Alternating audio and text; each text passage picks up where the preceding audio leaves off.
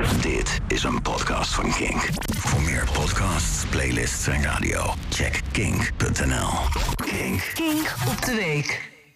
Al zo lang als ik leef hoor ik dat we minder auto moeten rijden, de verwarming lager moeten zetten en minder vlees moeten eten, omdat er anders later helemaal geen wereld meer is om die lang verwachte derde wereldoorlog op te houden. Al 50 jaar lang krijgen we waarschuwing na waarschuwing. Dat begon in de jaren 70 hè, met de Club van Rome. En nee, dat is geen vereniging van fantasieloze ondernemers die een pizzatent allemaal dezelfde naam gaven. Het waren wetenschappers die toen al concludeerden dat we niet eindeloos konden blijven groeien. Nou, daarna kwamen milieuclubs die zeiden: hey, kappen nou, want als we zo doorgaan, dan, dan smelten de panda's en brokkelen de poolkappen sneller af dan de carrière van Marco Borsato.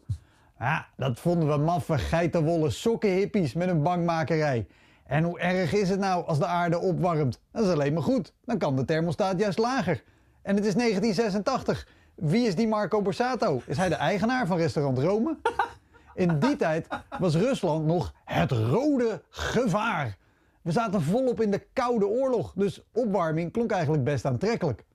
Na de jaren 90 ging het qua milieu over zure regen. Als je daar nu over hoort, denk je hooguit: oh kut, Angela de Jong heeft weer een nieuwe column geschreven. En in 2006 kwam de film An Inconvenient Truth uit van Al Gore. die maakte heel veel indruk. Maar veranderden we ons gedrag? Nee, blijft toch maar een film hè. In dat jaar kwam bijvoorbeeld ook Pirates of the Caribbean 2 uit. We droegen ook niet opeens allemaal ooglapjes. Twaalf jaar later begon Greta Thunberg met haar schoolstaking om aandacht te vragen voor het klimaat. Werd er naar haar geluisterd? Lastig te zeggen, want er was vooral commentaar. Niet op de boodschap, maar op de boodschapper. Niet naar luisteren hoor, die Greta. Te jong, te vrouw, te brutaal, te autist. En ondertussen begint de natuur zelf ook steeds vaker te waarschuwen.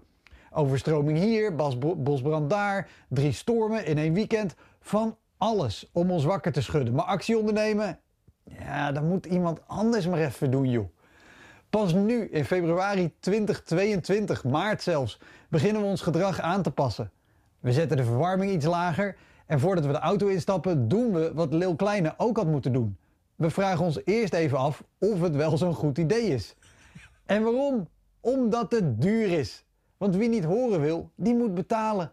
We zijn niet bang voor de opwarming voor de aarde, maar voor de leegloop van onze portemonnee.